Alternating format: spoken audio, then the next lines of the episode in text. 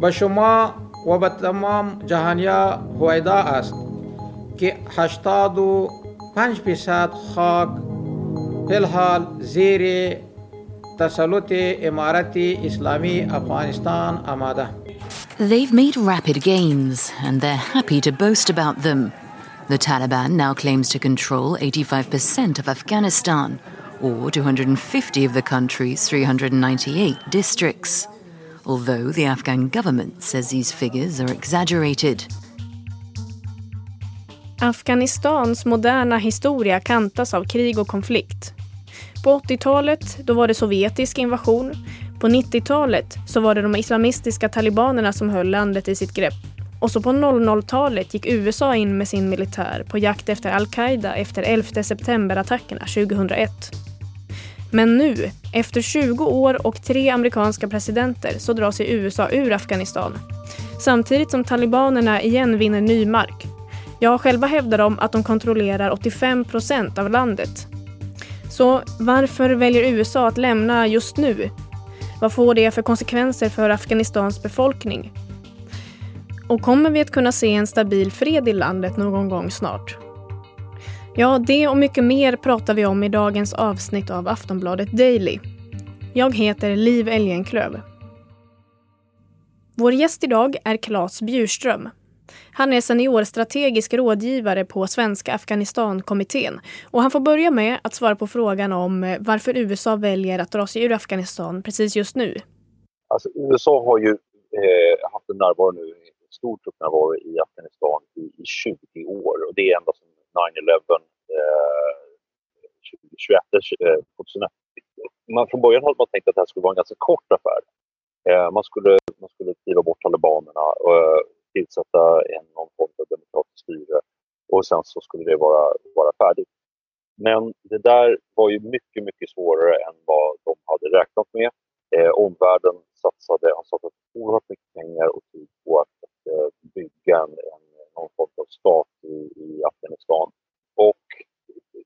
USA har försökt lämna i, i, i över tio år. Eh, även Barack Obamas eh, truppökning för ungefär tio år sedan så drog de upp så att det var 130 000 amerikanska soldater i landet. Eh, och det var ett försök att okay, nu, nu, nu så eh, slår vi på med allt vi har och så, så bekämpar vi talibanerna och vinner och sen kan vi dra därifrån. Det gick ju inte. Eh, och då har man försökt sakta men säkert lämna ända sedan dess. Och nu, eh, Donald Trump eh, ville ju ha ett eh, omedelbart tillbakadragande Eh, och eh, sen togs också den agendan över av, av Joe Biden. Och det är det är begripligt, det. man ser inte att det finns en militär lösning på den här konflikten. Eh, och eh, det här skulle kunna fortsätta precis hur länge som helst om man fortsätter på exakt samma sätt. Eh, så länge USA fanns där så kunde inte talibanerna vinna militärt. Eh, och, och, men, men, USA kunde inte heller vinna militärt över talibanerna. Alltså bestämmer man sig för att, att skademinimera och dra sig därifrån. Och vilka konsekvenser får det? Det får eh, flera konsekvenser, framförallt för den långsiktiga tilliten och stabiliteten och, och det att människor på tror att staten kommer finnas kvar. Eh, afghanska säkerhetsstyrkor är en ganska stor men, men svagt utbildad afghansk säkerhetsapparat eh, kan inte förvänta sig samma uppbackning. Eh, och det betyder också att eh, civila institutioner inte litar på staten på samma sätt. Det betyder också att ekonomin krymper väsentligt. Landet har ju varit dopat av militära pengar, framförallt militära pengar, eh, men också av bistånd.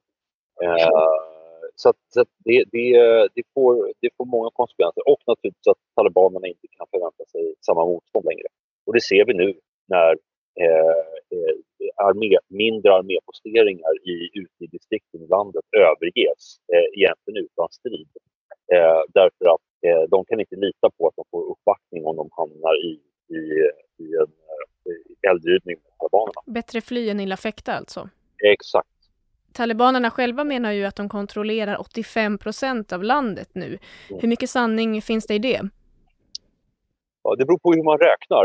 Eh, de eh, de utgör definitivt ett, ett hot och de påverkar situationen i, i, i minst 85 av landet, förmodligen 100 av landet. Eh, I det att människor är rädda. I det att de ofta styr och ställer genom hot, genom, att, genom beslut och genom att, att, bara finnas. Däremot så är det inte så att de i någon bemärkelse kontrollerar och. När man pratar om det här, hur stor del av landet som man kontrollerar, då brukar man resonera så här att Afghanistan består av ungefär 400 distrikt. Ett distrikt kan man säga motsvarar en kommun, en svensk kommun, någonting sånt. Och att när man säger att kontrollera ett distrikt, det betyder det att man har att säga, en fast militärpostering i centralorten. Eh, och den centralorten kanske, det kanske är så att det finns 50 eller 100 eh, armésoldater där. Och så kommer det dit då eh, ett par hundra talibaner säger att eh, nu så eh, får ni antingen, antingen så, så eh, går vi i clinch här och, eh, och det blir strid eller så ger ni upp och då får ni fri lejd. Ni får skriva på ett papper om att ni aldrig mer ska arbeta för den afghanska staten och så går ni hem till era familjer.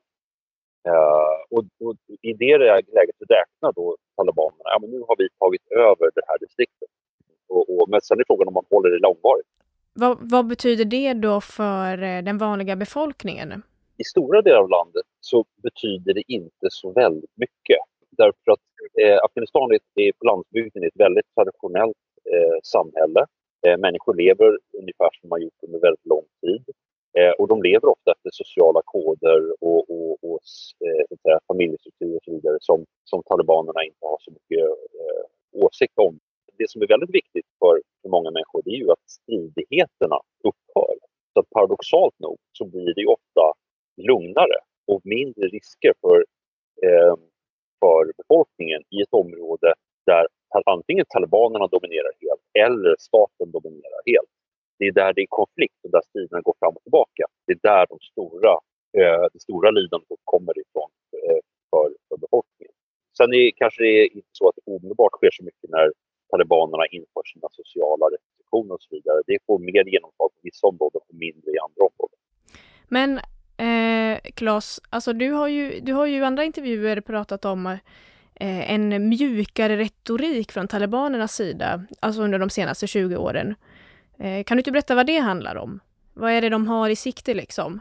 Ta talibanerna har ju varit de har varit väldigt konsekventa under, under lång tid och de har under hela den här 20-årsperioden haft egentligen tre krav.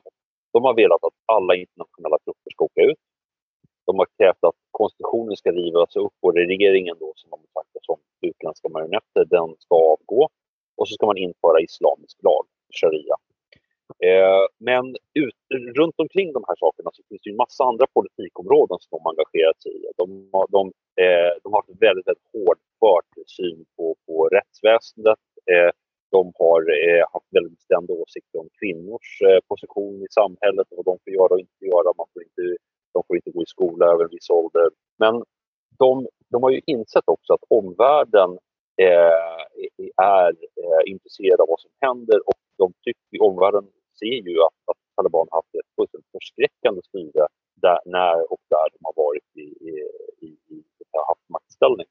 Så att de har, verkar försöka anpassa den, den eh, säga, retoriken och, och, sina idéer. Och de säger nu att i, i, islam kräver att både män och kvinnor utbildar sig.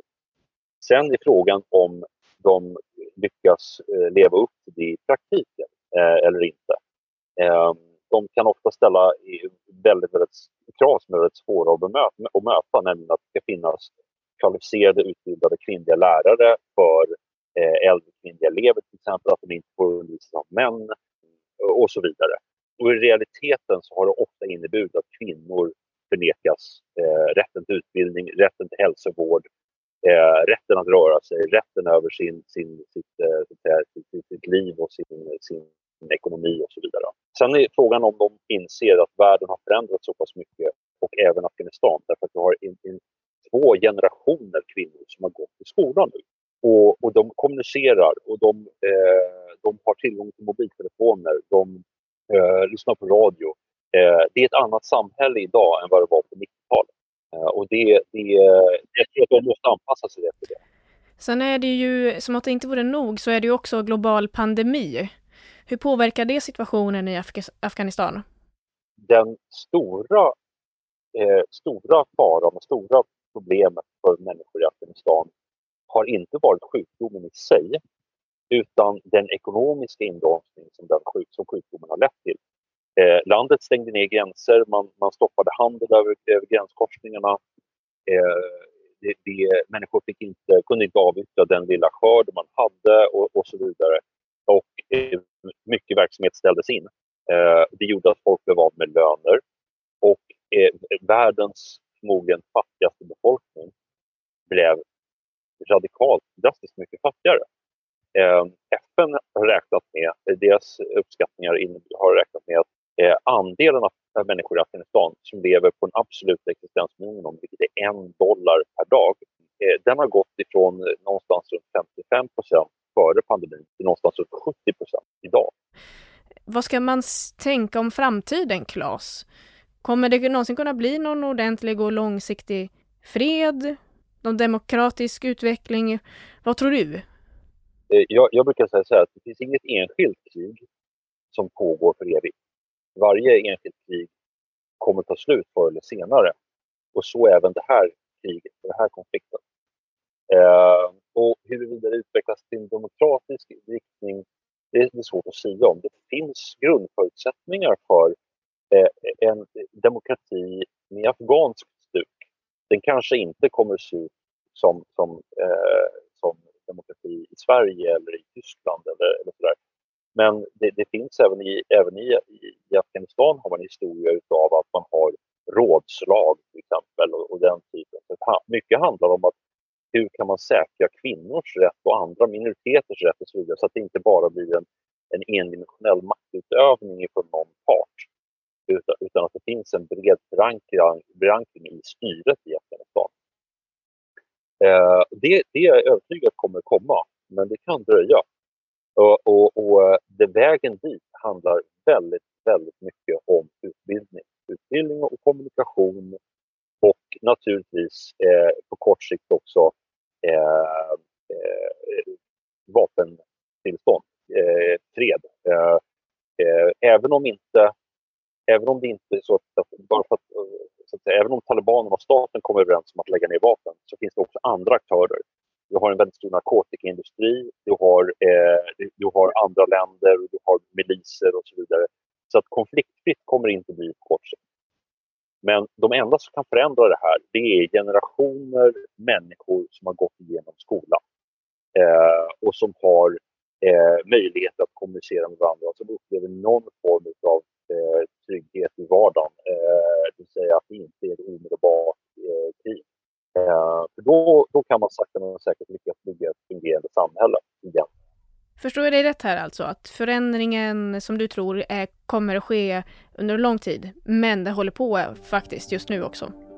Ja, det, det gör det. Det gör det verkligen eh, just nu. Så det har skett oerhört mycket under de senaste 20 åren. Bara för att, att här, konfliktnivån intensifieras just nu och, eh, och talibanerna har framsteg betyder inte det att allting är tillbaka på det sätt. För det är det inte. Utan, utan det man har gjort under lång tid, det får faktiskt effekt.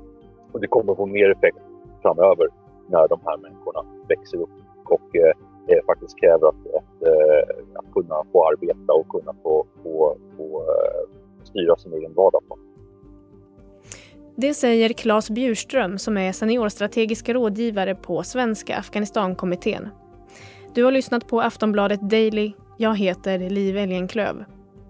Senaste nytt om situationen i Afghanistan och mycket annat hittar du på vår sajt aftonbladet.se. Vi hörs! Du har lyssnat på en podcast från Aftonbladet. Ansvarig utgivare är Lena K Samuelsson.